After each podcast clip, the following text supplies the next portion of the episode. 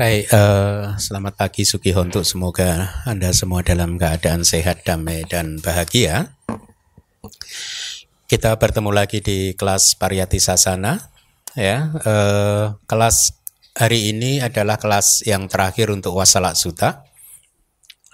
Kita di semester ini masih mempunyai tiga kali pertemuan lagi ada satu suta pen, beberapa suta pendek itu saya sedang mempertimbangkan apakah tiga kali pertemuan itu ini untuk dua suta atau untuk hanya satu suta gitu ya. Semakin banyak suta yang kita pelajari tentu semakin bagus ya. Saya juga semakin senang karena uh, misi saya untuk menerjemahkan kitab-kitab yang masih tertulis di dalam bahasa Pali, kitab-kitab uh, Tipitaka, komentar dan subkomentar itu menjadi makin cepat ter, terrealisasi gitu ya. Nah, uh, sekali lagi saya ingin mengingatkan, tadi pagi juga saya menyampaikan banyak hal kepada mereka yang datang untuk dana makan pagi. Intinya poin yang tadi saya angkat adalah bahwa samsara ini begitu berbahaya, ya. Samsara ini sangat berbahaya. Artinya sangat berbahaya itu kita sekarang beruntung di kelahiran sekarang lahir jadi umat Buddha. Beruntung tidak sih? beruntung dan juga kita menjadi semakin beruntung karena akhirnya mendapat kesempatan untuk mempelajari ajaran yang benar yang sesuai dengan kitab suci ya kitab uh, Tipitaka komentar dan subkomentarnya itu keberuntungan yang besar ya Kenapa? Karena Anda mendengarkan ajaran-ajaran yang usianya sudah ribuan tahun. Gitu. Itu tertulis di kitab yang usianya sudah ribuan tahun. Jadi saya secara uh, pendapat saya pribadi mengatakan ini adalah maha punya. Apa? Maha punya. Maha itu besar. Punya itu kebajikan. Jadi ini adalah kebajikan yang sangat yang besar. Ya ada kebajikan yang besar, ada kebajikan yang tidak besar gitu. Kalau saya menganggapnya mendengarkan kitab suci langsung dari dari benar-benar dari kitabnya ini adalah kebajikan yang sangat besar ya. Dan ini adalah e, keberuntungan serta berkah. Kenapa? Karena tidak semua orang mendapat kesempatan seperti kita loh, ya toh. Ya, e, tidak semua umat Buddha yang KTP-nya beragama Buddha di dalam satu kehidupan ini sampai akhir nanti berakhir mendapatkan kesempatan untuk mendengarkan ajaran yang sesuai kitab suci.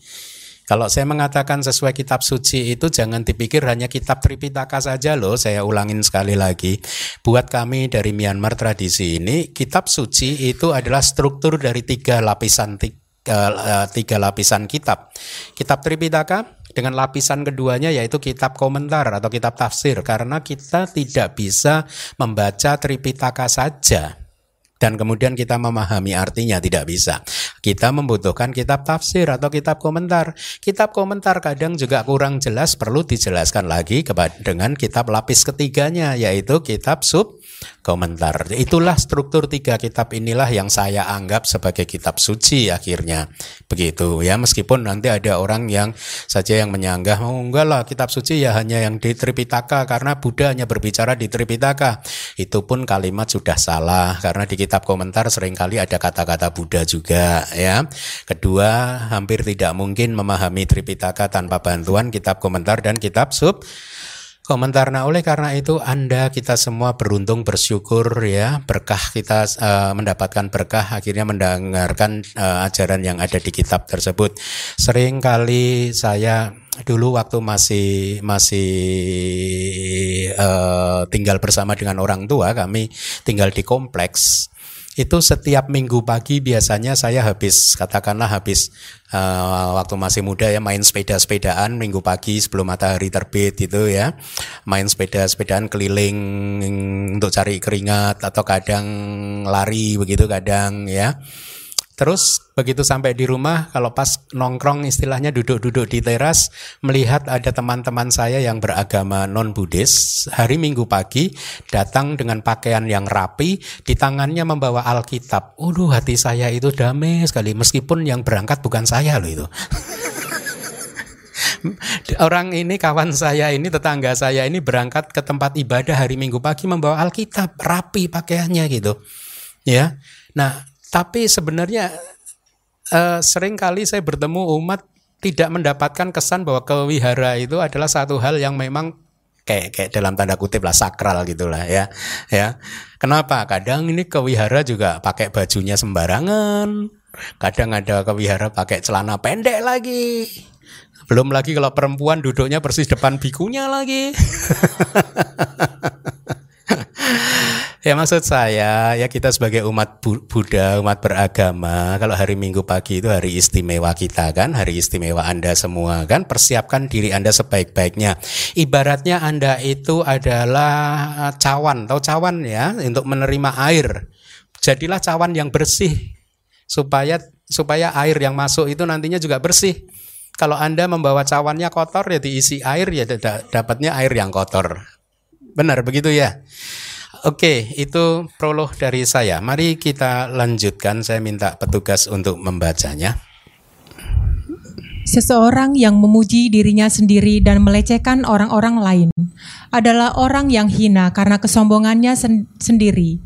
Kamu harus mengenali dia sebagai paria, Bukan karena kelahiran seseorang menjadi paria, bukan karena kelahiran seseorang menjadi brahmana, karena perbuatan seseorang menjadi paria, karena perbuatan seseorang menjadi brahmana. Perbuatan di sini adalah kama ya. Pahamilah dengan cara itu juga, sesuai dengan contoh yang aku berikan. Paria yang bernama Sopaka yang terkenal dengan nama Matangga Matangga tersebut telah mencapai ketenaran yang terbaik yang sangat sulit untuk diperoleh. Banyak kesatria dan brahmana datang untuk melayani dia.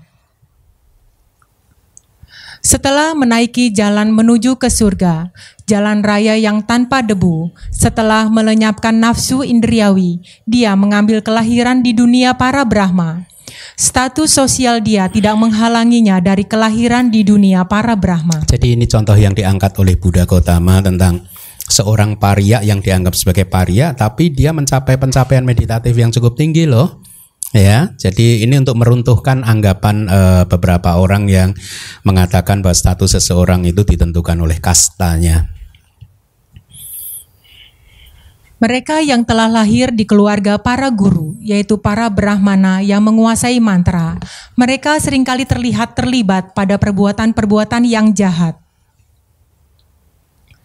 Mereka tercela di kehidupan sekarang dan di kelahiran mendatang adalah tempat tujuan yang buruk.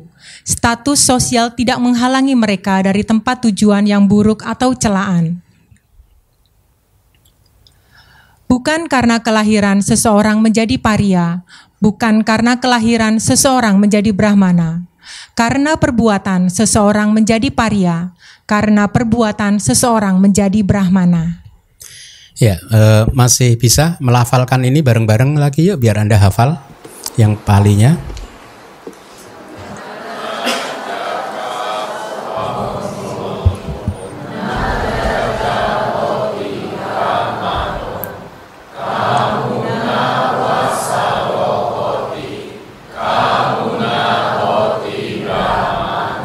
Bahasa Indonesianya Bu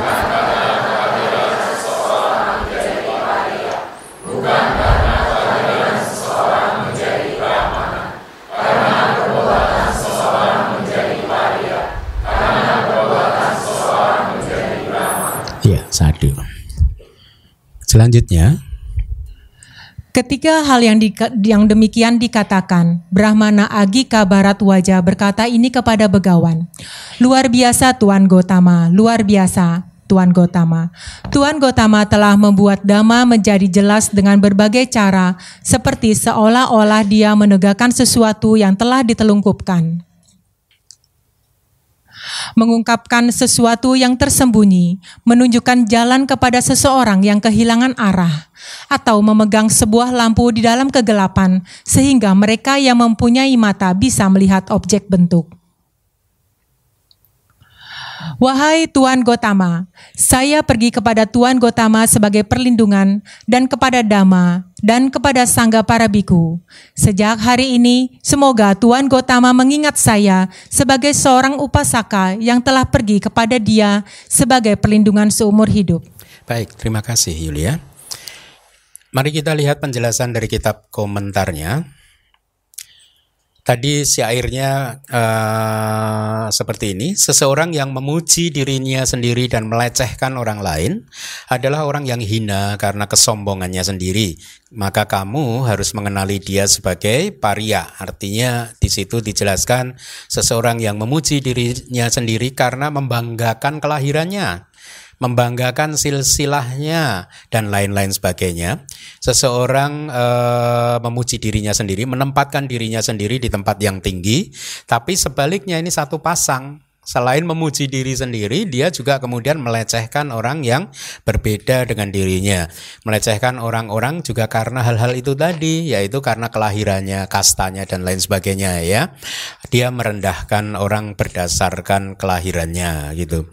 Nah, eh Orang yang hina di dalam suta tadi arti penjelasan dari orang yang hina adalah seseorang yang telah jatuh dari perkembangan kualitas yang baik. Dia telah menjadi seorang yang berkualitas rendah. Artinya Seseorang yang seperti itu memuji dirinya sendiri sekaligus melecehkan orang lain adalah seseorang yang sudah jatuh dari kualitas-kualitas yang baik. Dia berada dalam titik yang terendah di dalam kehidupannya ini.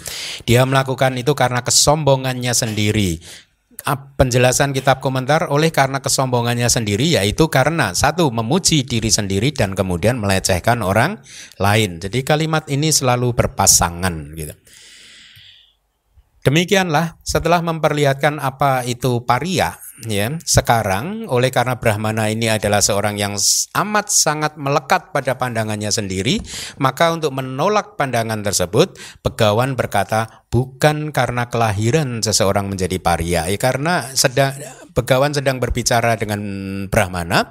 Brahmana ini adalah orang yang sangat mengagung-agungkan status kelahirannya sendiri ya, diri mereka itu ya. Karena kelahiran mereka di keluarga Brahmana lah maka mereka mendapat mendapat status sosial yang tinggi di dalam struktur masyarakat India pada masa itu ya. Saya tidak tahu apakah eh, status itu masih berlaku di India zaman sekarang.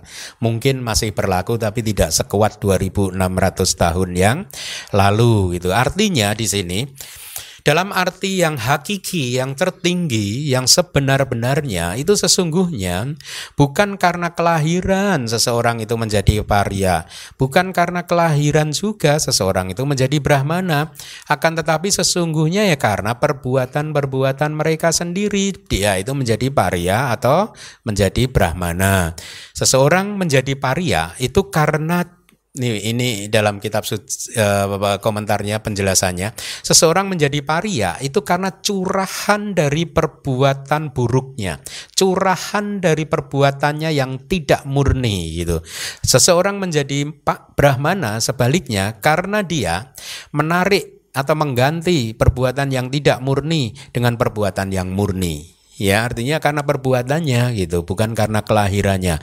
Atau oleh karena kalian menganggap paria itu sebagai hina dan brahmana itu sebagai superior, maka karena perbuatan yang hina seseorang itu menjadi paria, karena perbuatan yang superior seseorang itu menjadi seorang brahmana. Ya, jadi sekali lagi Kualitas kita masing-masing ditentukan oleh perbuatan kita.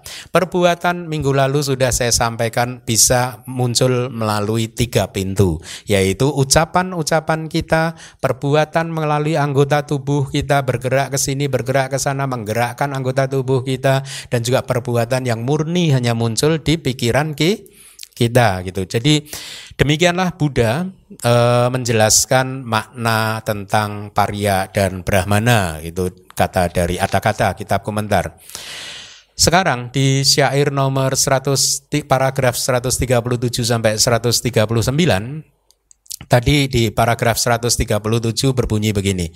Pahamilah dengan cara itu juga. Sesuai dengan contoh yang aku berikan, yaitu seorang paria yang bernama Sopaka, yang terkenal dengan nama Matangga. Ya. Cerita ini ada di Kasih Barat Wajah Suta yang sudah saya terjemahkan dan sedang saya pertimbangkan apakah besok minggu besok saya sampaikan? Karena kelihatannya agak panjang apakah cukup untuk tiga kali pertemuan gitu ya. Nah penjelasannya di, di, di paragraf 138 Buddha juga berkata begini mata enggak ya. Jadi sopaka sebenarnya dia nama sopaka.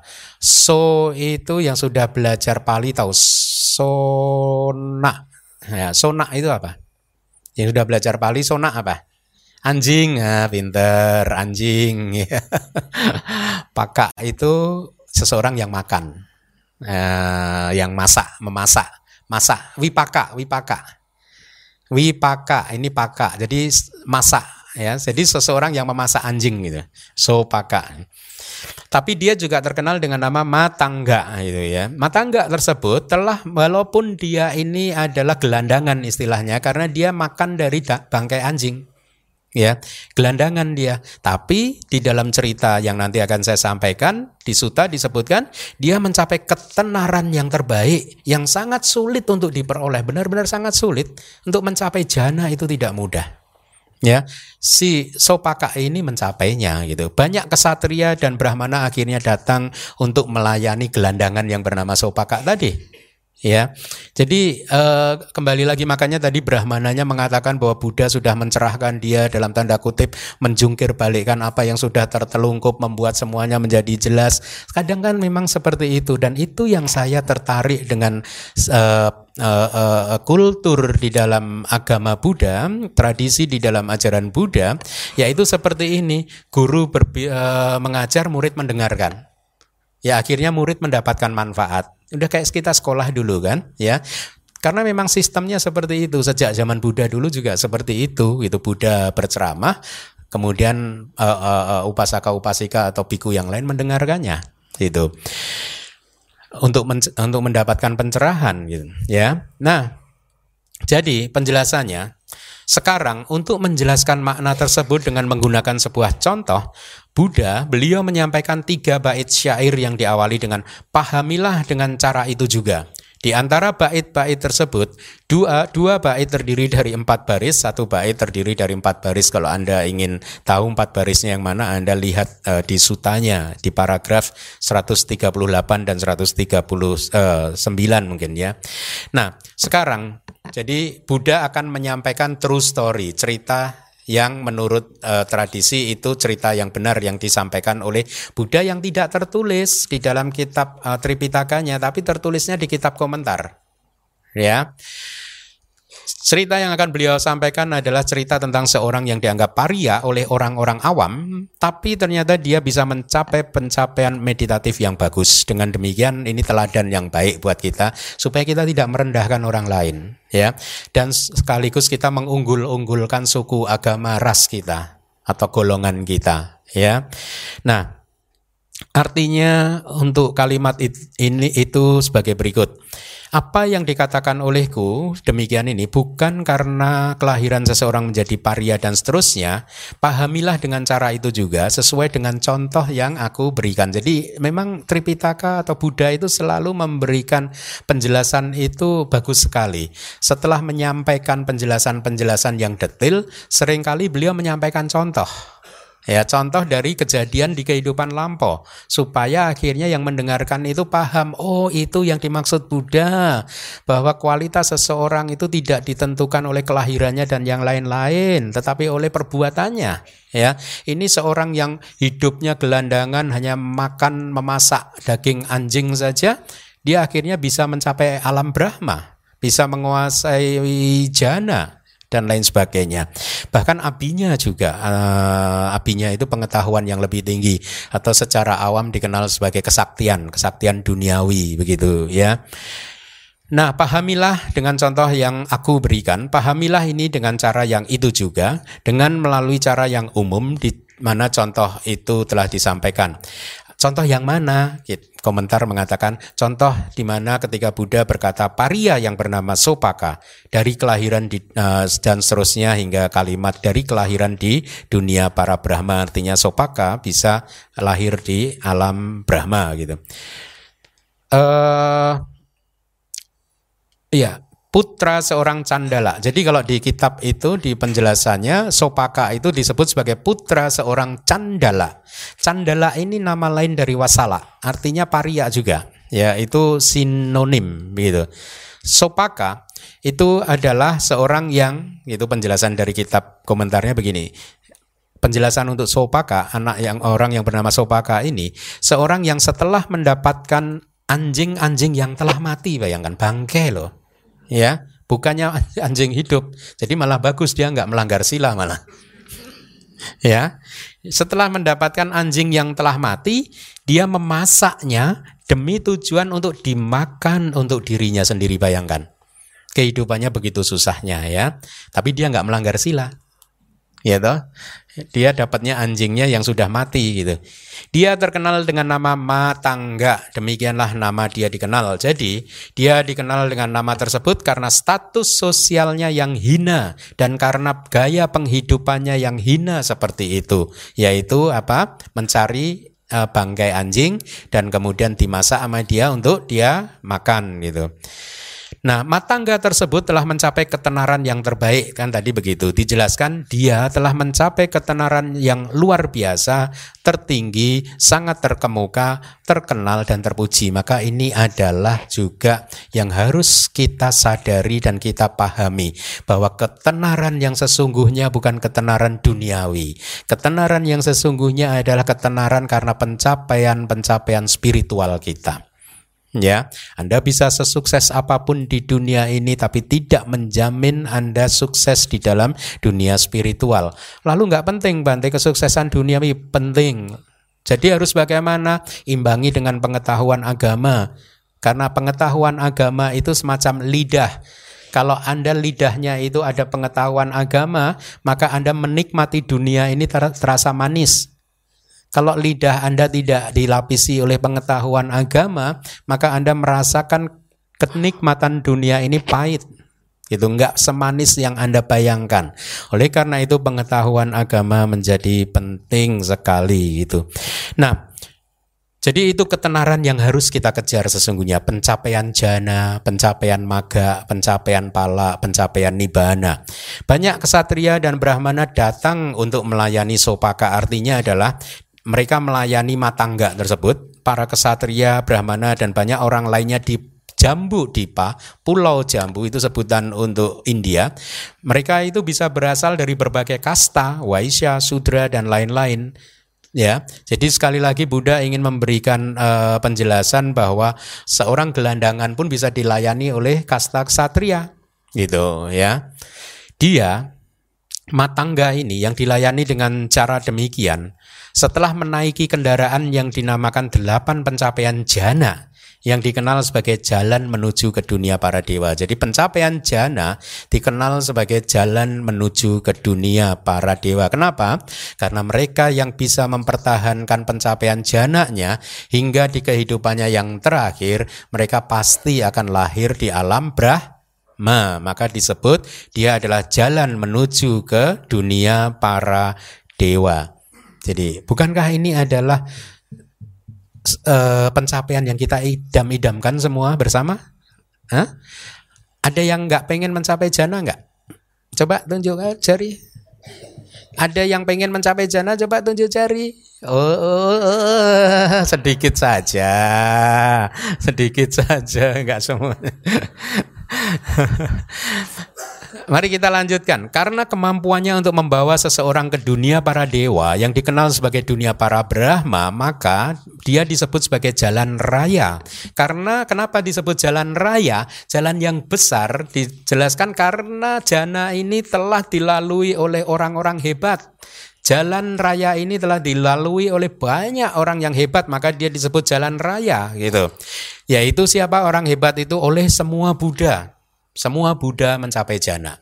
Ya, dan lain-lain artinya semua uh, mereka yang mencapai yang menguasai jana termasuk Paceka Buddha yang menguasai jana para murid-murid Arya Buddha yang menguasai jana. Jalan raya tersebut tanpa debu karena apa? Di sepanjang jalan itu tidak ada kotoran batin gitu ya. Nah Di syairnya tadi ada kalimat begini, setelah menaiki jalan menuju ke surga, jalan raya yang tanpa debu itu tadi, setelah melenyapkan nafsu indriawi, dia mengambil kelahiran di dunia para Brahma. Status sosial dia tidak menghalanginya dari kelahiran di dunia para Brahma. Paham? Status sosialnya sebagai seorang gelandangan yang mencari bangkai anjing untuk dimasak dan dimakan, tidak menghalangi dia untuk lahir di dunia para Brahma gitu. Yang dimaksud adalah dalam hal kelahiran kembali di dunia para Brahma artinya Sopaka lahir di alam Brahma sesudah kelahirannya sebagai gelandangan uh, yang memakan uh, bangkai anjing itu tadi. Selanjutnya hal ini hendaknya dipahami demikian di masa lalu. Nah, ini mulai masuk ke ceritanya ini tentang Sopaka ini. Menarik sih ceritanya ya. Jadi di masa lalu diceritakan bahwa ketika manu, manusia besar Maha Purisa ya sedang bekerja untuk kesejahteraan makhluk dengan berbagai macam upaya Maha Purisa atau laki-laki yang besar atau saya terjemahkan manusia yang besar di sini adalah bodhisatta. Ya. Dia lahir di keluarga Candala. Ini sinonim untuk wasala, paria.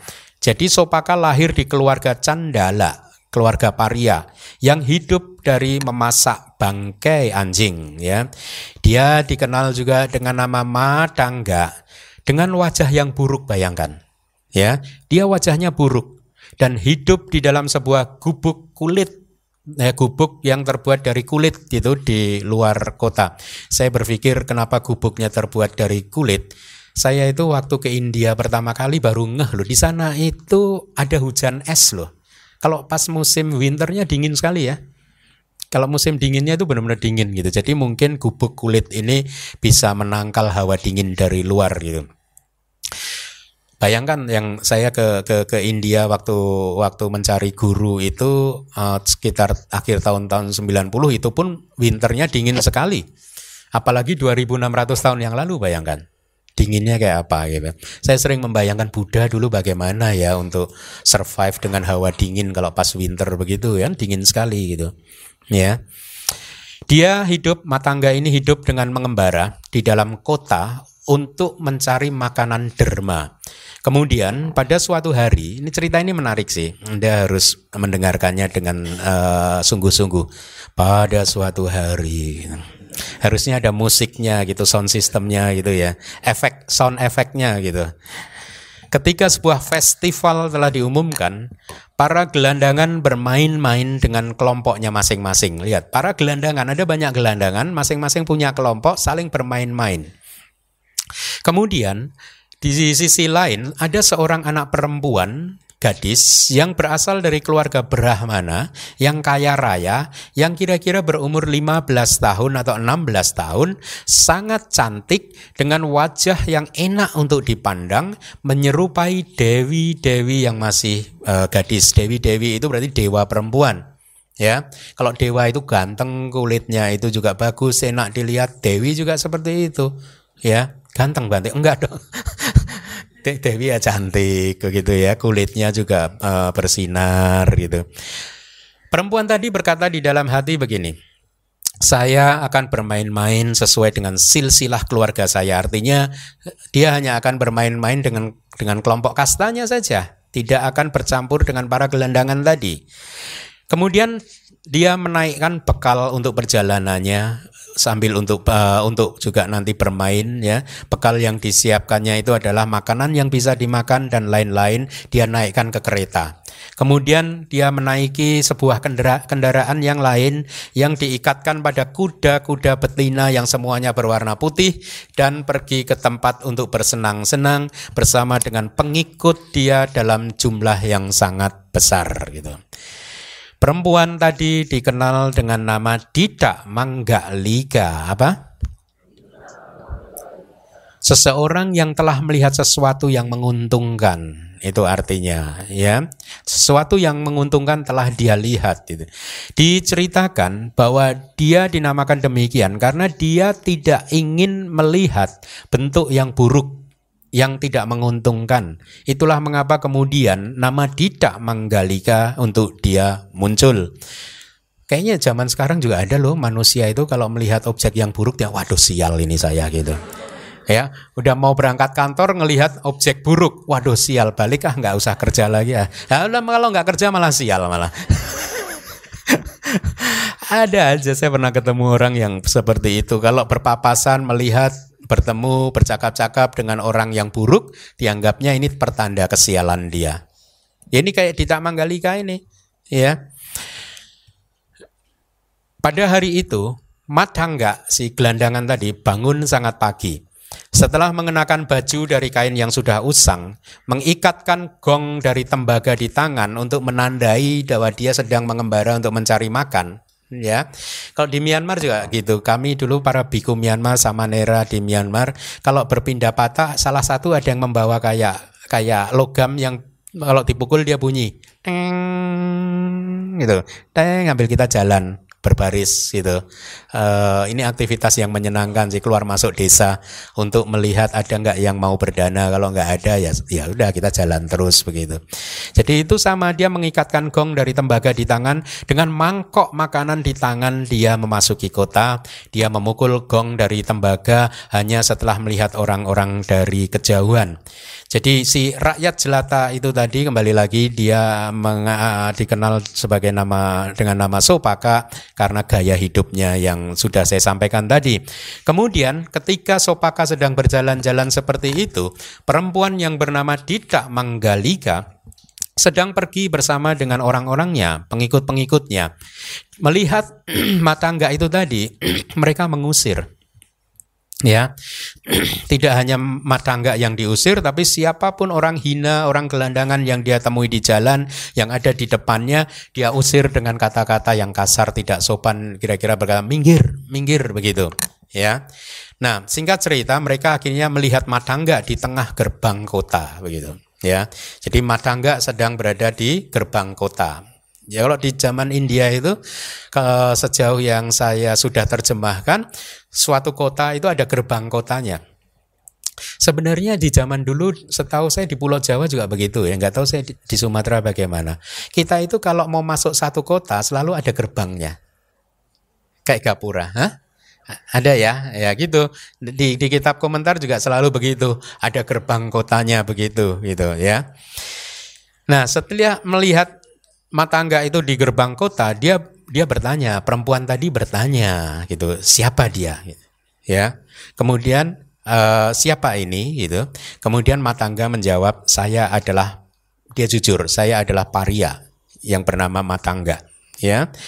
Kemudian Didak Manggalika perempuannya berkata, setelah melihat orang seperti ini, lalu mana mungkin kemakmuran akan datang pada kita? Itu tadi, karena dianggapnya melihat objek yang pembawa sial.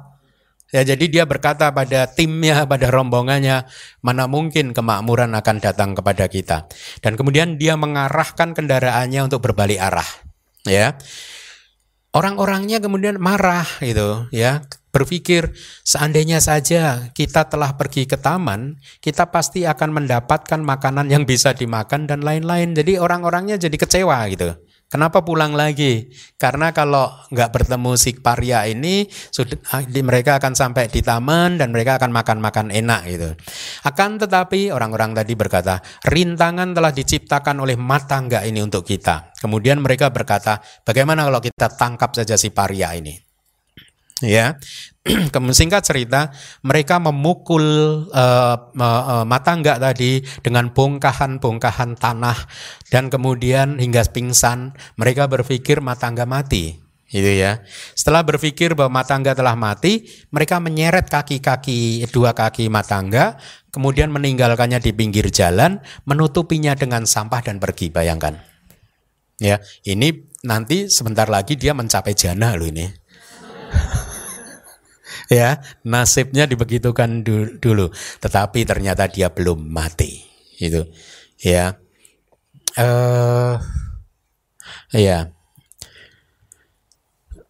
Setelah memperoleh kesadarannya kembali artinya setelah siuman dia bangun dan bertanya pada orang-orang kasihan ini. Dia tanya dengan lugunya dia bertanya, dengan polosnya dia bertanya, "Wahai tuan-tuan, apakah pintu ini gerbang kota itu tadi dibuat untuk umum atau hanya untuk para brahmana?"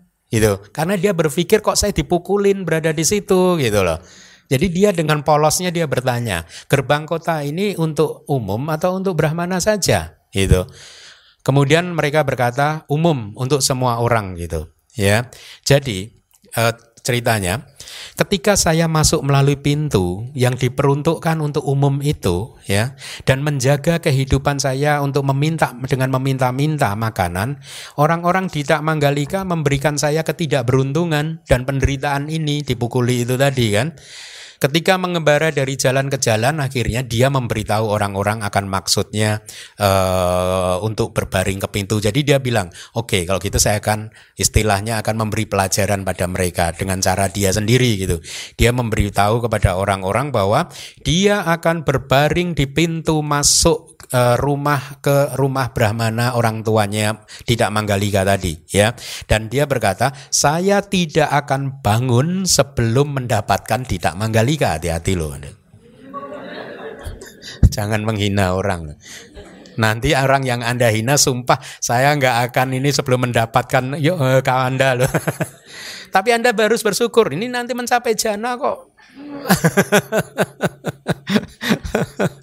ya, saya tidak akan bangun sebelum mendapatkan tidak manggalika. Kemudian setelah mendengar bahwa mata nggak berbaring di pintu rumah masuk ya Brahmana, pemilik rumah ayah dari tidak manggalika berkata, berikan satu kakanika. Kakanika itu uang di zaman India dulu semacam koin koin receh. Berikan aja dia uang receh itu kepada si matangga yang tidur-tiduran di depan pintu rumah itu gitu. Biar dia pergi ya, bisa menggosok anggota tubuhnya dengan minyak ya. Tapi matangga tidak mengharapkan hal itu dan hanya berkata begini, saya tidak akan bangun sebelum mendapatkan tidak menggalika. Lalu orang tuanya Brahmana berkata lagi, kalau gitu kepada pembantu-pembantunya, kalau begitu berikan dia dua koin receh ya satu nggak bangun berarti tambahin dua gitu. Tetap saja e, matangga berkata hal yang sama gitu. E, tadi Brahmana beri dia dua koin receh kakanika supaya dia bisa makan roti dengan satu kakanika dan dengan satu kakanika yang lain dia bisa pergi pijat menggosok anggota tubuhnya dengan minyak gitu Tentu saja kembali Matangga tidak mengharapkan ini dan berkata hal yang sama. Setelah mendengar ucapan Matangga, Brahmana berkata lagi, berikan dia satu masaka gitu. Tetap saja ditolak. Ini nilai uang yang lebih besar lagi. Ditolak berikan dia satu pada uang yang lebih besar lagi. Ditolak setengah kahapana lebih besar lagi. Dua tiga kahapana sampai sejumlah uang yang cukup besar tetapi matangga tetap saja menolak. Bahkan diberi seratus kahapana kahapana itu uang koin yang terbuat dari emas. Ini seratus keping. Tetap saja dia menolak Matangga tetap tidak mengharapkan itu dan berkata hal yang sama dengan yang dia ucapkan sebelumnya. Mereka akhirnya terus meminta dia untuk dengan cara seperti itu sehingga matahari telah tenggelam.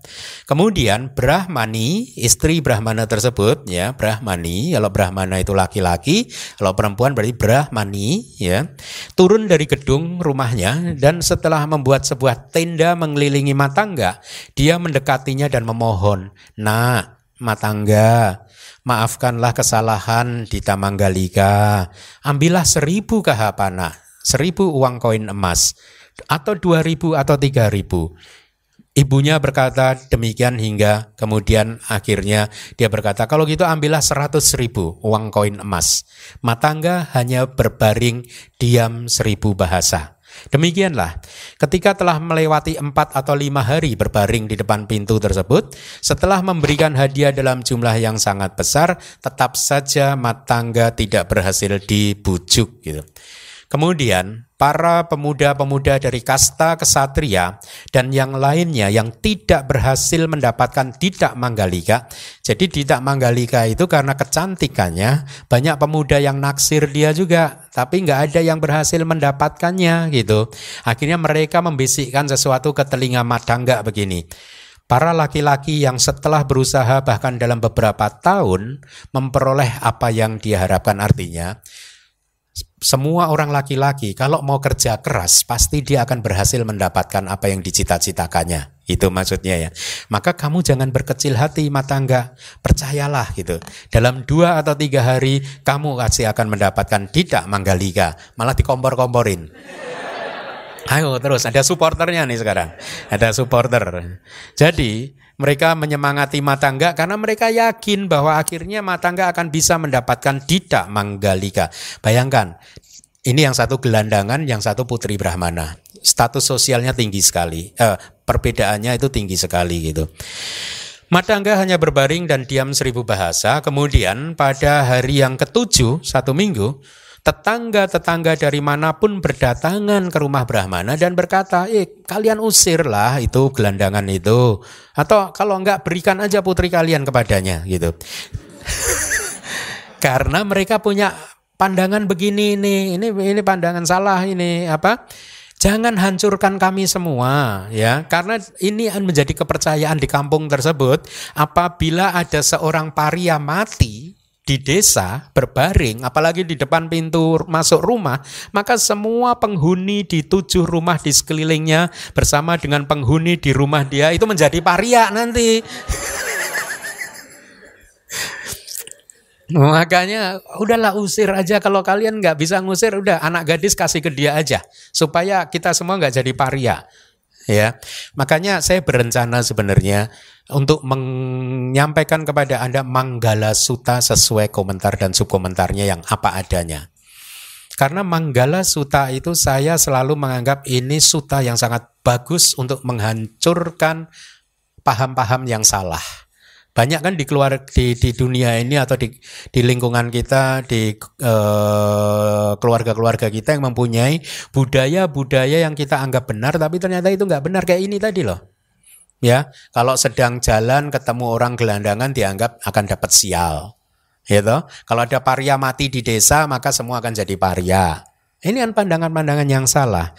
Nah, Buddha mengajarkan ada yang namanya berkah, ketidaksialan itu ada gitu. Ya, yaitu ada 38 yang diajarkan Buddha. Makanya saya berencana semester depan untuk menyampaikan kepada Anda. Sudah selesai saya terjemahkan, tinggal saya sampaikan kepada Anda gitu. Nah, mari kembali lagi. Jadi penduduk desa mempunyai keyakinan yang begitu bahwa mereka khawatir kalau mereka juga jadi paria nantinya kan.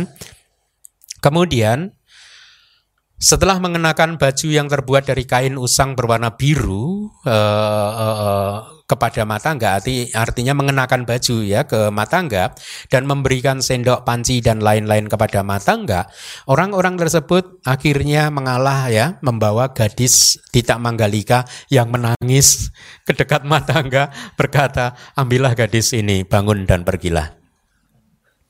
Kasihan ya perempuan itu dari masa ke masa jadi objek aja ya. Dengan berdiri di sisinya, gadis tersebut berkata, bangunlah. Matangga berkata, wah manja dia, bantu saya berdiri. Dengan memegang saya melalui tangan, artinya peganglah tangan saya. Akhirnya gadis tersebut mengangkat dia. Setelah duduk, dia berkata, kita tidak dapat hidup di dalam kota. Mari, Matangga berkata, tuntunlah saya ke gubuk kulit saya yang ada di luar kota. Gadis tersebut menuntun dia ke sana dengan memegangi tangannya. Akan tetapi para penghafal Jataka mengatakan berbeda, tidak dengan berjalan dan memegang tangan, tapi dengan naik ke punggungnya. Itu ada perbedaan di Jataka dan di Suta ini.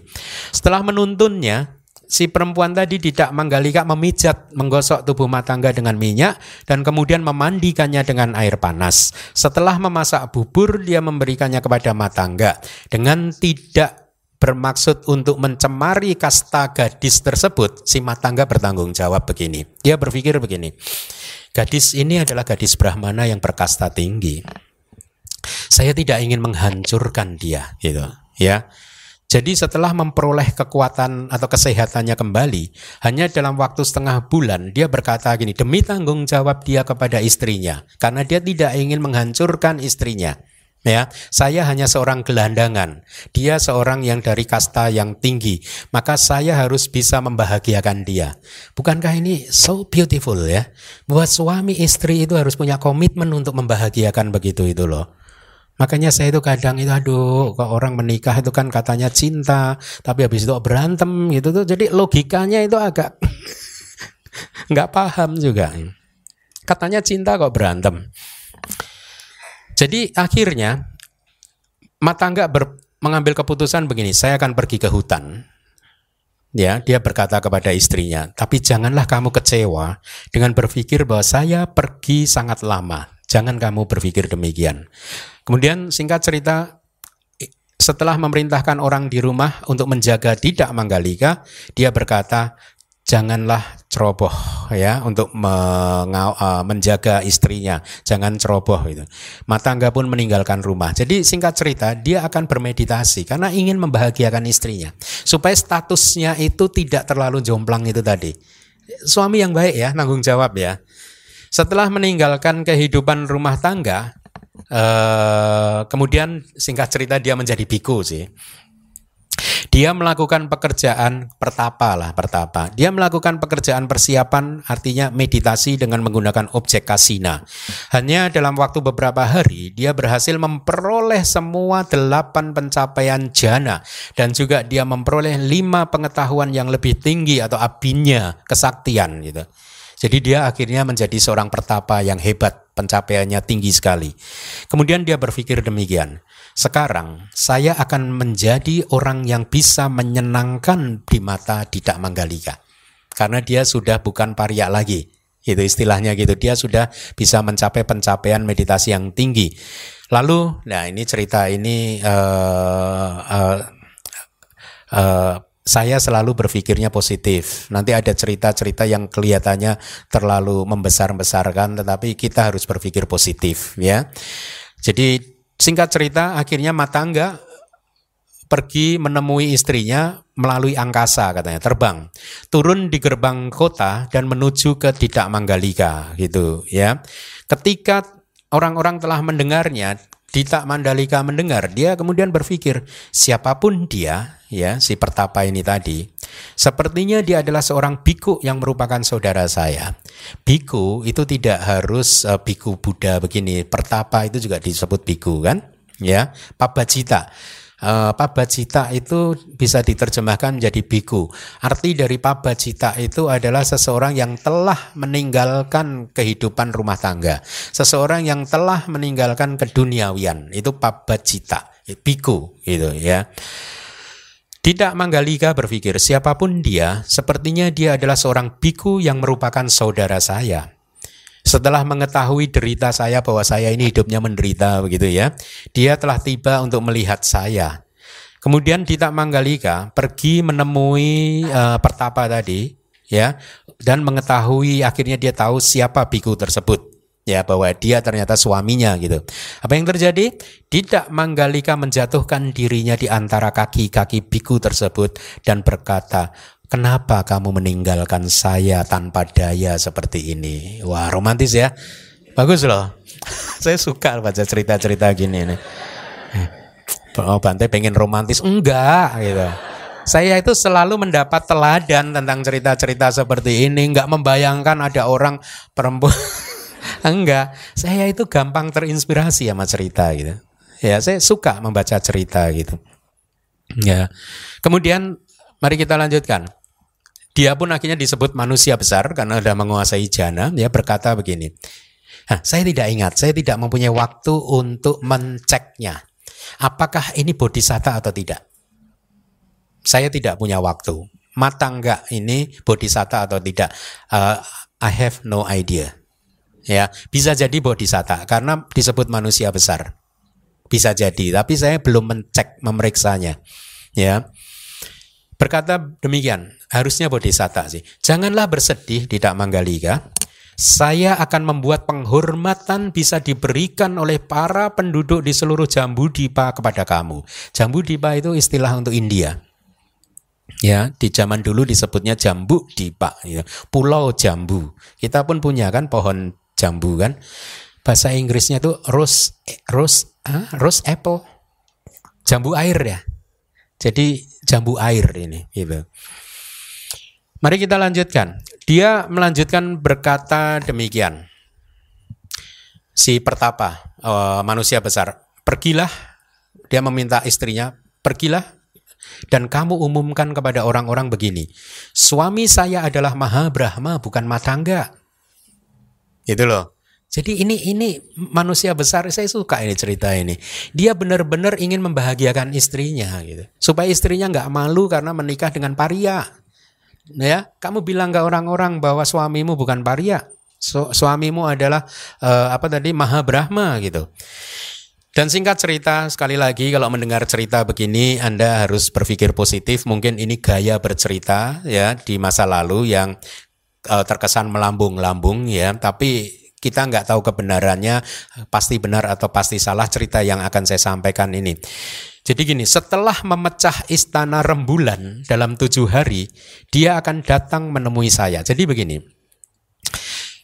mereka suami istri berdua ini bercakap, uh, suaminya berkata hanya berdua saja. Kamu pergi dan umumkan kepada semua penduduk bahwa suami kamu bukan Madangga tapi adalah uh, Maha Brahma ya umumkan juga kepada penduduk ya. Ini penduduk belum ada yang tahu nih. Umumkan juga pada penduduk bahwa dia nanti suami dia nanti akan memecah istana rembulan dalam tujuh hari sejak sekarang ya. Dan ketika sudah memecah istana rembulan dia akan turun untuk menemui saya supaya penduduk desa yakin bahwa dia ini benar-benar manusia besar gitu ya. Didak Manggalika akhirnya menjawab, "Wahai Bante, kata Bante tidak selalu merujuk kepada biku seperti saya." Ya, Bante itu julukan untuk panggilan untuk seseorang yang terhormat gitu. Dia bisa diperuntukkan untuk samanera, dia bisa diperuntukkan untuk orang terhormat yang lainnya gitu. Setelah men jadi seorang putri Brahmana yang kaya raya, tidak Manggalika berkata, karena kama diri sendiri yang buruk, saya telah mencapai keadaan oh uh, di, ya itu tidak Manggalika. Saya telah mencapai keadaan sebagai paria seperti saat ini.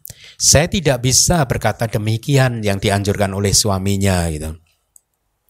Kemudian setelah berkata, kamu tidak tahu kekuatan matangga, manusia besar akhirnya mempertontonkan beraneka macam kesaktian sehingga tidak Manggalika yakin. Jadi tadinya kan tidak Manggalika nggak ya nggak mau nih memberitahu penduduk desa karena dia merasa mungkin juga nggak ada buktinya gitu kan.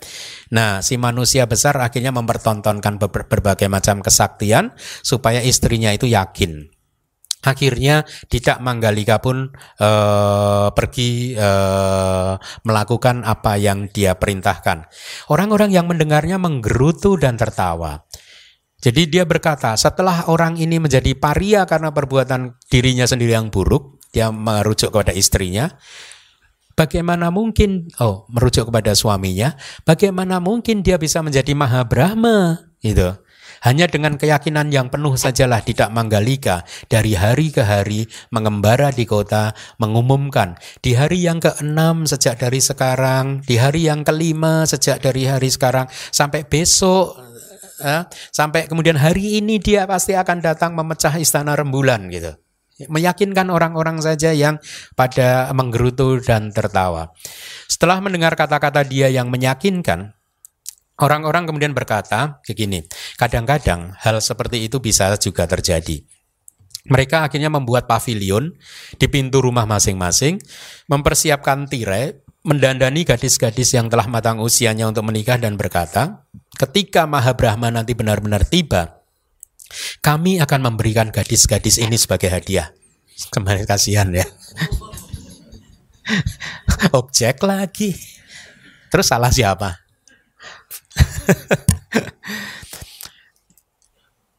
Anda lahir sebagai perempuan karena apa? karena kar karma. Mereka kemudian duduk sambil memandangi angkasa. Saya tidak bermaksud merendahkan Anda ya. Ini ceritanya begitu. Mereka kemudian duduk sambil memandangi angkasa. Kemudian pada hari purnama, ketika bulan telah naik ke langit hari purnama, manusia besar benar-benar memecah istana rembulan. Dan banyak orang melihatnya, dia keluar dalam bentuk Maha Brahma. Kumpulan orang-orang berpikir, dua rembulan telah muncul. Kemudian setelah melihatnya, keluar dengan cara bertahap mereka tiba pada kesimpulan demikian. Didak Manggalika telah berkata jujur. Untuk menundukkan hati Didak Manggalika, Maha Brahma sendiri yang sebelumnya telah datang dengan jalan sebagai matangga. Jadi untuk menundukkan data Didak Manggalika, Maha Brahma turun menyamar sebagai matangga. Nah, ini pandangan salah lagi. Apa artinya bukan kebenaran lagi.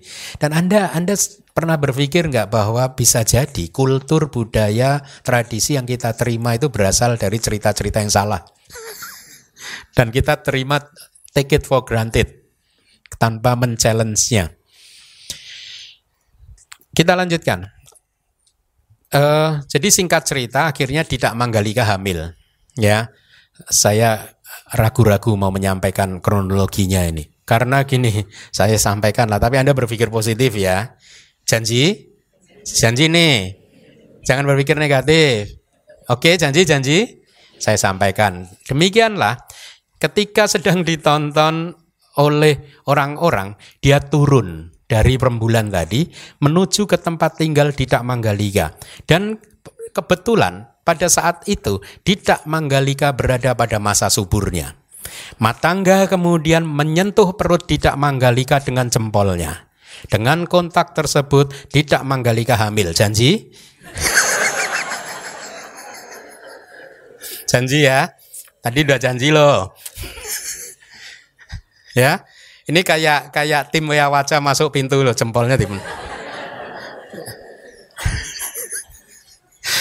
kan di pintu depan itu ada sensornya kan? Kalau tim ya wajah dia sidik jarinya udah diambil di situ. Kalau pintu terkunci tinggal jempolnya ditempel aja, tep gitu. Kalau pintunya nggak hamil kalau di sini. ya, Anda udah janji loh ya tadi. Kemudian Mata enggak berkata kepada Didak Manggalika, kamu telah hamil. Ketika anak kamu telah lahir, hidupilah dengan berga, hiduplah dengan bergantung padanya. Jadi si Matangga enggak akan hidup berumah tangga lagi. Ketika kumpulan orang-orang penduduk masih melihatnya, dia kemudian memasuki istana rembulan lagi. Setelah itu para Brahmana berkata begini, sebagai seorang istri dari Maha Brahma, Didak Manggalika telah menjadi ibu kami. Akhirnya dihormati ya. Kemudian orang berdatangan dari sana sini, pintu-pintu gerbang kota menjadi tidak ada lagi ruang karena orang berdesak-desakan dan berharap memberikan penghormatan kepada Didak Manggalika. Tujuan suaminya tercapai. Ya, mereka menempatkan Didak Manggalika e, ditumpukan koin-koin emas, memandikannya, memberinya perhiasan, menaikkannya ke kereta, membawanya keliling kota dengan rasa hormat yang sangat besar dan diumumkan bahwa ini adalah istri Maha Brahma. Mereka memintanya untuk tinggal di sana dan berkata, Uh, hingga kami membuatkan tempat tinggal yang sesuai untuk dia, biarkanlah dia tinggal di sana dulu. Dita Manggalika akhirnya melahirkan putranya di dalam sebuah pavilion. Pada hari penyucian bayi, memandikan bayi, dia bersama dengan putranya uh, memandikannya. Mereka kemudian memberi nama bayi laki-laki tersebut sebagai Mandabya Kumara. Mandabya, Mandabya, pavilion. Kumara itu anak laki-laki. Jadi anak laki-laki kira-kira mandabya itu pavilion dari anak laki-laki yang lahir di pavilion ya. Ya, pangeran pavilion gitu. Kalau di teksnya dikatakan itu terjemahannya pangeran pavilion karena dia telah lahir di dalam pavilion. Sejak saat itu, para Brahmana ke mana-mana mengelilingi dia dan memanggilnya sebagai seorang putra Maha Brahma. Kemudian ratusan ribu macam hadiah tiba. Para Brahmana menjaga pangeran sedemikian rupa. Mereka datang uh, tidak bisa, uh, mereka yang baru datang tidak bisa segera melihat pangeran. Nah singkat cerita, anak tersebut tumbuh dewasa ya pada waktunya pangeran mulai mem praktek memberikan derma, berdana, mulai terbiasa berdana. Tetapi dia tidak memberikannya kepada orang miskin dan pejalan kaki yang telah tiba di bangsal dan memberikannya hanya kepada para brahmana. Sementara itu manusia besar si matangga tadi dengan mengarahkan perhatiannya bertanya-tanya, apakah putra saya akan memberikan derma? Setelah melihat dia sedang memberikan derma hanya kepada para brahmana, kemudian mata nggak memutuskan, saya akan membuat dia memberikannya kepada semua orang, akan menasehatinya gitu. Setelah mengenakan jubah dan mengambil mangkok, dia tiba melalui angkasa dan berdiri di rumah pintu rumah putranya. Ketika melihat dia, pangerannya berpikir dari mana orang paria yang memiliki penampilan yang buruk seperti ini datang gitu. Dengan marah dia mengatakan stansa ini. Padahal ini papahnya sendiri nih. Stansanya begini, dari manakah kamu? Orang yang berpakaian lusuh datang makhluk yang menjijikkan seperti setan yang berasal dari debu. Di lehermu ada sial terbuat dari gombal yang diambil dari sampah. Siapakah kamu seorang yang menjijikkan yang tidak pantas untuk menerima persembahan?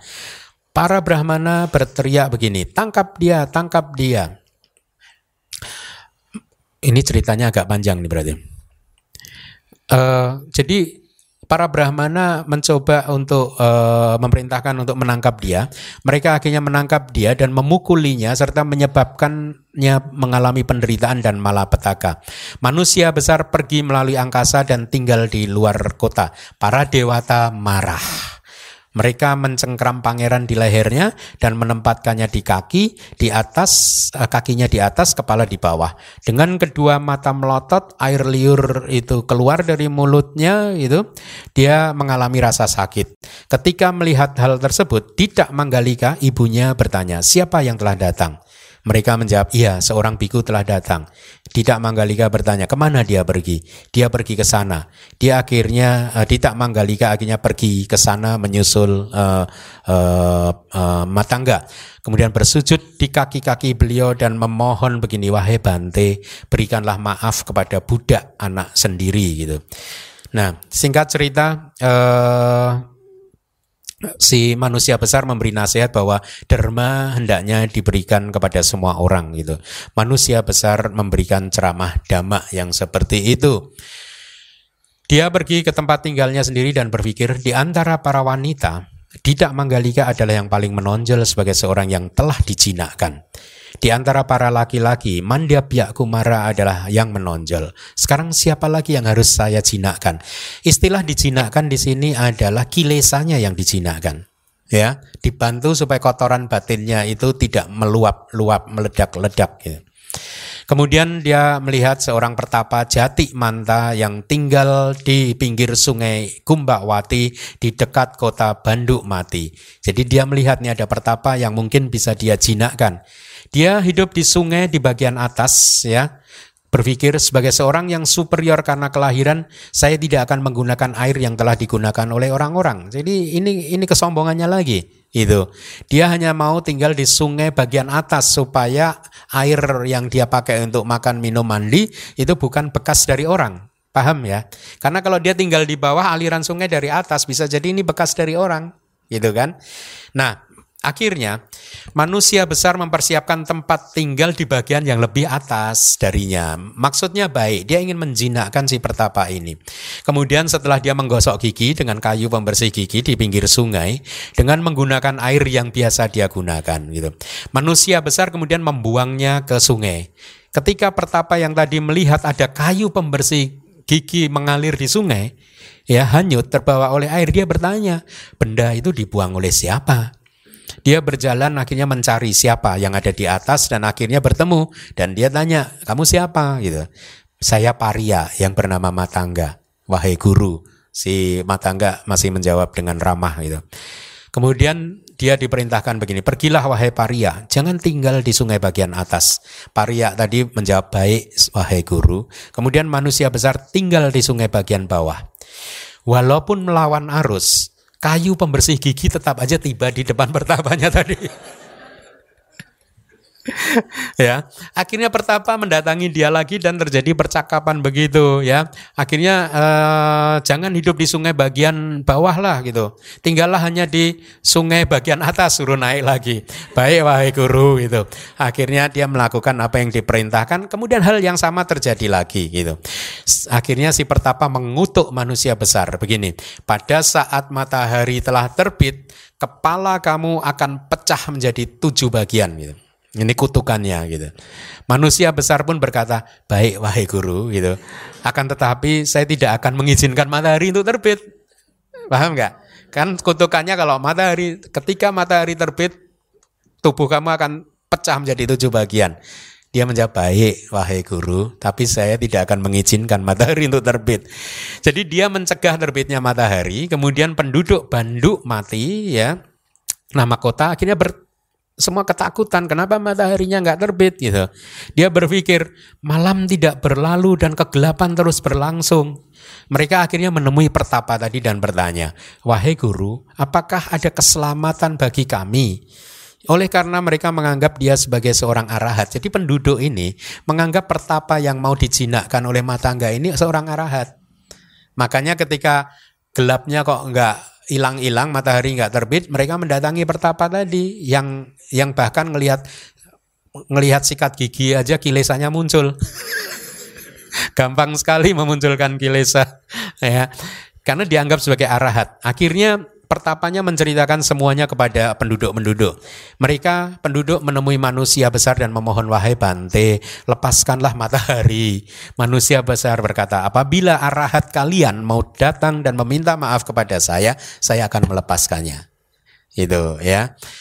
Akhirnya penduduk desa menemui pertapa dan berkata, wahai Bante, datanglah dan minta maaflah kepada matangga yang bijaksana. Jangan biarkan kami binasa karena perselisihan kalian. Dia pun menjawab, saya tidak akan minta maaf kepada paria. Kemudian penduduk berkata, kamu membinasakan kami. Gitu. Dengan memegang kedua tangan dan kaki dia, mereka akhirnya membawa ke hadapan orang besar. Ini arahat nih.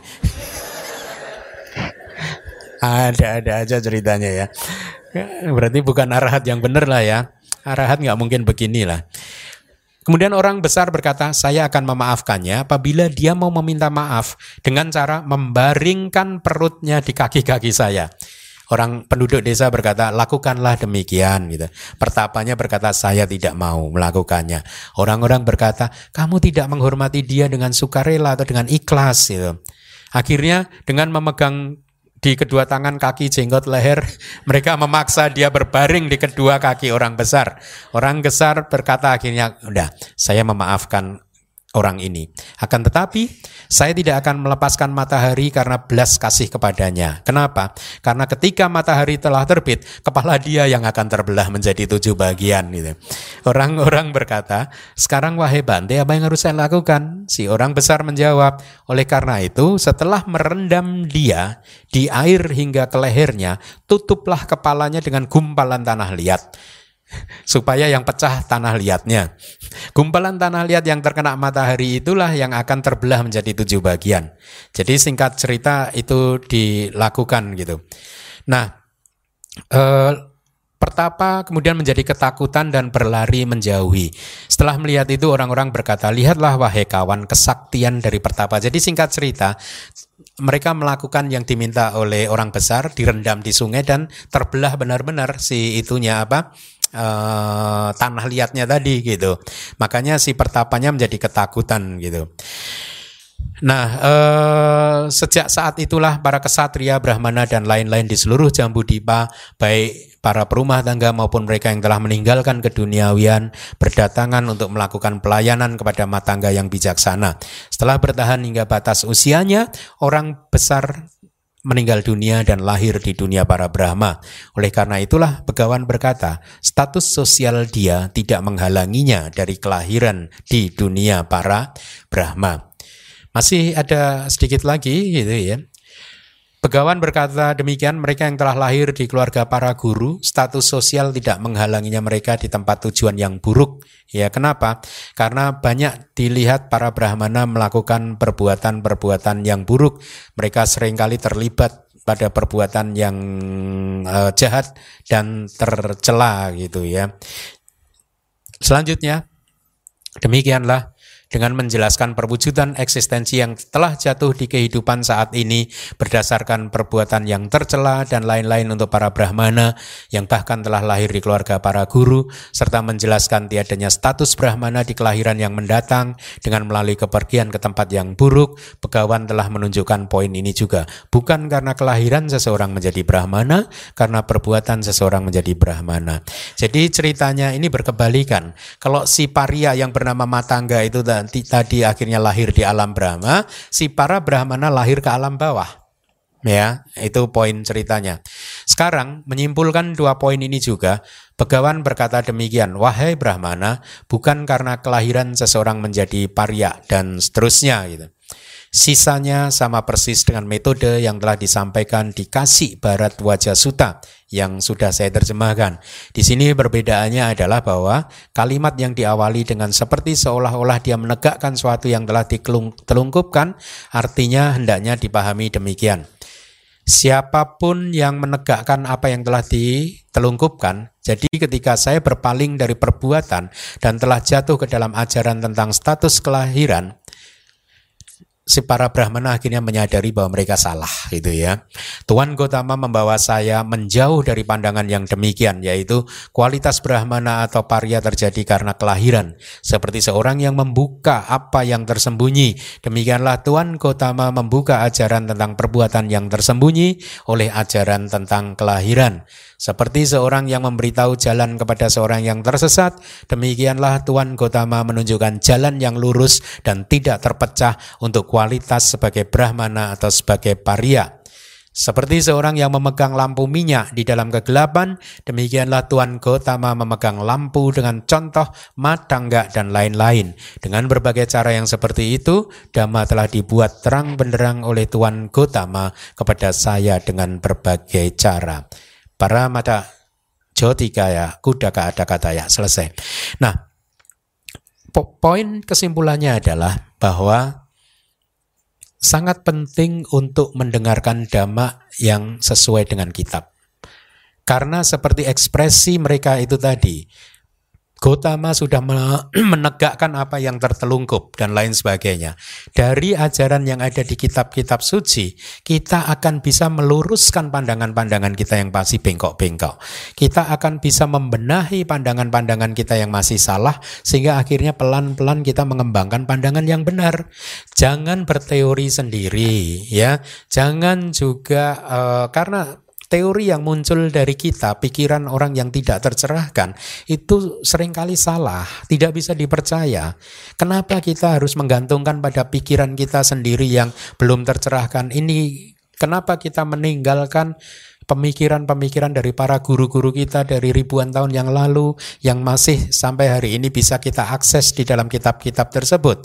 Maka lebih baik kita bergantung kepada ajaran-ajaran yang ada di kitab-kitab suci kita karena dari situlah kita akan bisa mendapatkan ajaran yang benar. Baik, terima kasih. Jadi dengan selesainya kelas pagi hari ini Sutta ini telah selesai kita pelajari ya. Semoga bermanfaat bagi Anda semua. Semoga Anda semua bisa mencapai maga nyana, pala nyana dan nibana secepatnya.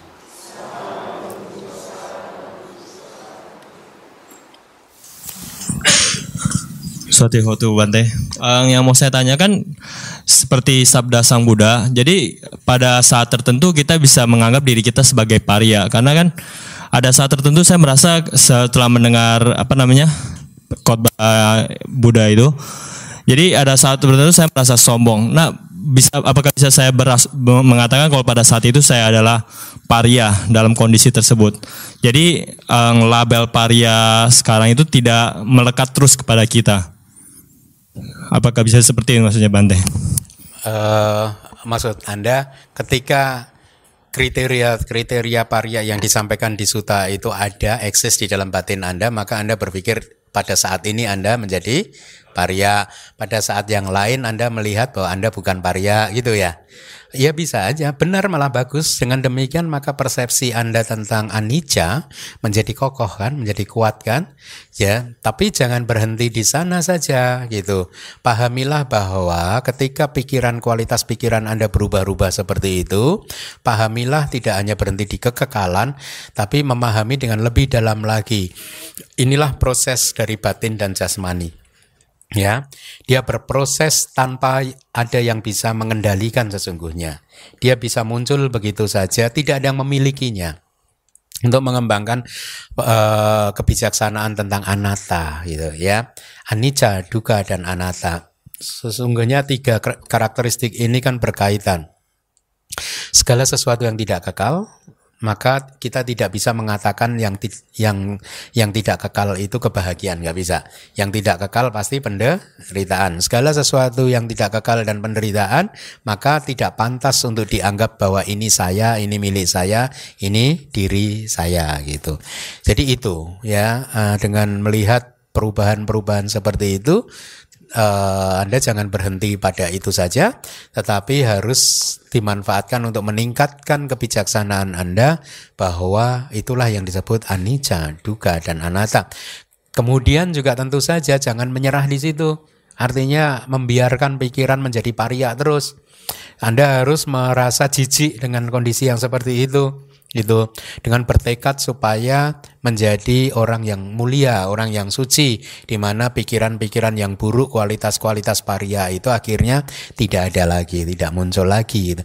Harus berjuang bahwa dan harus dipahami bahwa itu adalah hal yang menjijikkan, saya harus berjuang untuk bisa mengeliminasinya gitu.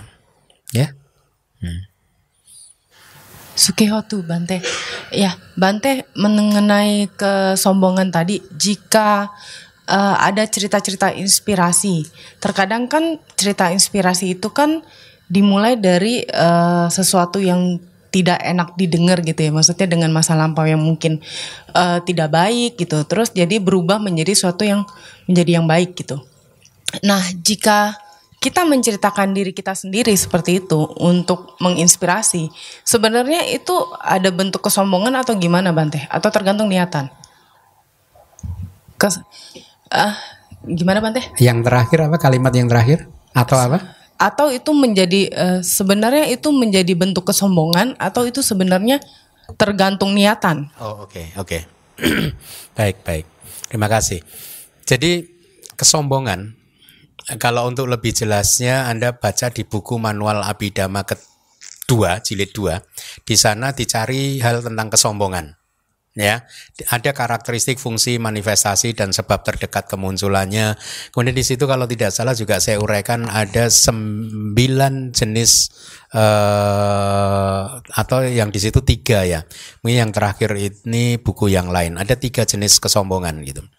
Ya kesombongan yang menganggap bahwa diri saya lebih baik ya atau menganggap diri saya sama atau menganggap diri saya lebih inferior. Intinya dari mana itu memperbandingkan. Intinya gitu, membandingkan diri saya dengan orang lain. Bisa muncul dalam tiga variasi. Setelah saya bandingkan saya dengan si A, maka saya ini lebih baik dari si A. Atau bahkan dengan perkataan saya sama saja dengan si A, itu juga ada unsur kesombongannya. Dan juga saya lebih inferior dari si A, itu juga ada unsur kesombongannya. Gitu. Karakteristik fungsi dari kesombongan adalah untuk mengibarkan bendera kita supaya tinggi gitu. Ya, sup, memandang bahwa kita ini berbeda dengan orang lain gitu ya. Men, uh, mengunggul-unggulkan diri kita sendiri gitu ya. Jadi kalau syarat-syarat itu terpenuhi ya maka uh, apa yang dilakukan adalah kesombongan. Tetapi kalau motivasi seseorang adalah untuk menginspirasi orang lain ini loh saya begini, ini udah berhasil ini. Ayo berhasil seperti saya begini, begini, begini. Mengajak orang lain untuk bisa mengikuti jalan Anda, ya itu bukan sih. Saya rasa bukan kesombongan. Itu kan mengajak seseorang untuk berbuat kebaikan, untuk bisa menjadi orang yang sukses. Gitu. Jadi itu bukan tidak ada unsur kesombongannya. Kesombongan itu intinya mana itu memperbandingkan diri kita dan orang lain dengan menganggap diri kita lebih tinggi dan lain sebagainya gitu. Kalau Anda menginspirasi orang lain itu bukan kesombongan. Anda mengajak kok. Sama kita dengan para biku juga mengajak orang lain, ayo ayo ayo retret retret retret retret. Kan mirip.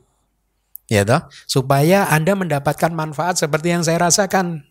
Nah, Anda menginspirasi dengan model bisnis misalkan an, bisnis Anda. Ini loh saya udah merasakan bisnis ini bagus katakanlah begitu ya. Ayo ikut bisnis ini, ini bagus ini, ini bagus ini, ini bagus.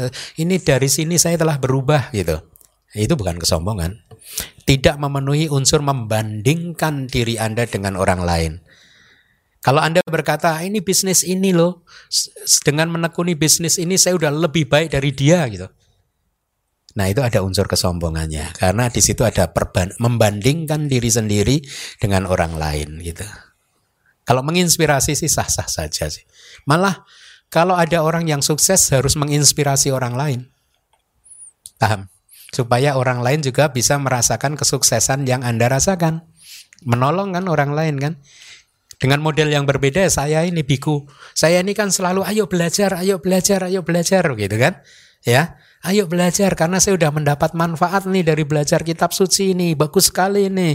Bisa semakin menikmati kehidupan ini. Bisa semakin apa sering bisa apa lebih damai di dalam kehidupan ini. Ayo, Anda harus juga merasakan manfaat yang sama seperti yang saya rasakan. Begitu kira-kira. Sama. Ya. Ada lagi? Iya maaf Bante. Bante seperti uh, jadi sedikit curhat juga ya. Berarti sebenarnya intinya pada saat kita bawa materi itu harus ngontrol diri sendiri. Pada saat kita mau menginspirasi, kita harus belajar untuk ngontrol pikiran kita uh, agar kan kita kadang-kadang suka pikiran itu kan halus banget ya Bante. Jadi kadang kita bawa materi itu kadang kita melihat orang yang di depan kita. Eh, Hmm. audiens gitu kan. Jadi pada saat kita ngeliat audiens itu kadang pikiran itu jadi ada sedikit lah membandingkan kan karena kan kita mau mengajak kan. Nah, saat itu mungkin harus dimusnahkan lah ya cara pikir Ya ya ya, ha, ha. ya harus hati-hati untuk mengendalikan Hmm, eh, karena halus melihat ya. melihat apa yang anda katakan tadi apa niat Mm-mm, jadi niat dari eh, apa yang ingin anda sampaikan gitu harus selalu dicek sih. ya terkadang kan kita eh, niat besarnya mungkin begitu. Tapi terkadang lagi mm, bawain materinya itu suka ters, eh, terselip sedikit gitu ya maksudnya karena mungkin pandangan kita audiens jadi ada sedikit ngerasa bandingin gimana cara yang ngangkat dia seperti itu ya. Berarti itu yang harus saya musnahkan ya. Iya, iya. Untuk lebih jelasnya Anda nanti baca buku manual kedua. Nah, di situ saya rasa cukup detail disampaikan ya. Intinya itu ada niat ada atau tidak niat untuk mengibarkan bendera kita, meninggikan diri kita gitu. Supaya orang lain melihat eh, eh, bahwa kita ini lebih baik dari orang lain gitu. Ya, itu niatan kita. Kalau niatan kita begitu, maka itu memenuhi kriteria kesombongan sih. Ya. dana makanan ini yang kasar maupun yang lembut kepada sangga semoga kebajikan ini menjadi kondisi untuk merealisasi nibbana